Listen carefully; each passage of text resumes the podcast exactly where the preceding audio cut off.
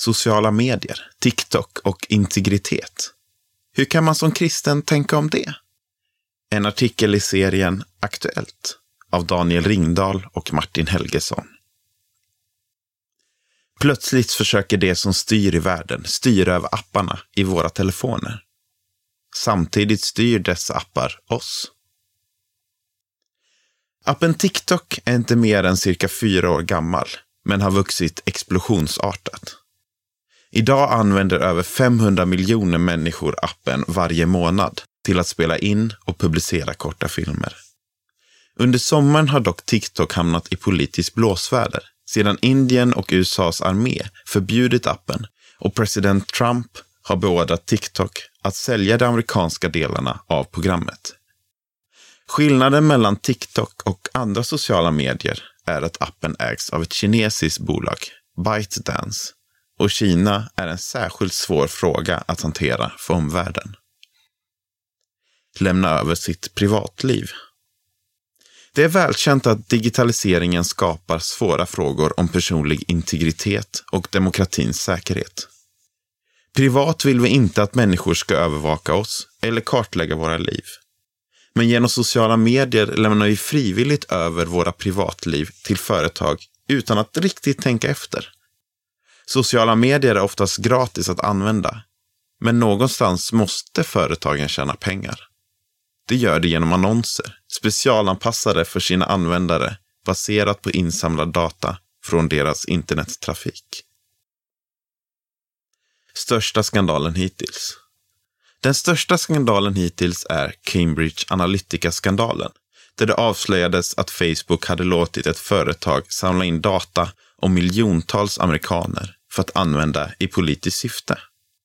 Med tanke på hur ingående och privat information man kan få om oss genom våra appar kan man med rätt program och algoritmer vinkla politisk information efter just våra personligheter, vilket ligger nära manipulation. Den typen av beteende förknippas med diktaturer och inte demokratier. Aldrig stå till svars.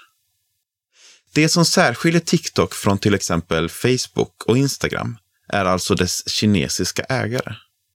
Facebooks grundare Mark Zuckerberg, som är amerikan, tvingades stå till svars inför fria medier och den amerikanska senaten vid Cambridge Analytica-skandalen. Men Kina är en diktatur. Om data från Facebook kunde användas i politiskt syfte i en demokrati, vad skulle då inte det kinesiska kommunistpartiet kunna åstadkomma med TikToks data? Och vem håller en diktatur ansvarig? Och vi? Det är svårt att dra några enkla slutsatser om hur en kristen bör förhålla sig till sociala medier och integritetsfrågor. Vi bör i alla lägen verka för en demokratisk och fri rättsstat som låter sina medborgare själva bestämma över sin personliga integritet.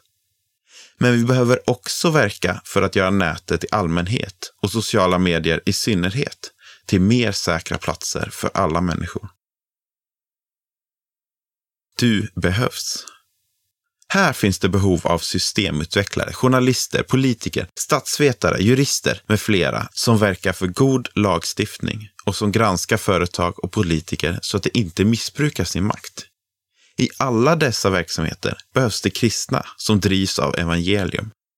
Den typen av aktivism är ingen quick fix. Att bygga ett samhälle görs inte på en dag, utan genom att människor ägnar sina parentes, yrkes, slutparentes, liv åt att verka för ett gott samhälle som ärar Gud och skyddar människor. Kanske är det du som ska ägna ditt yrkesliv åt sådana frågor.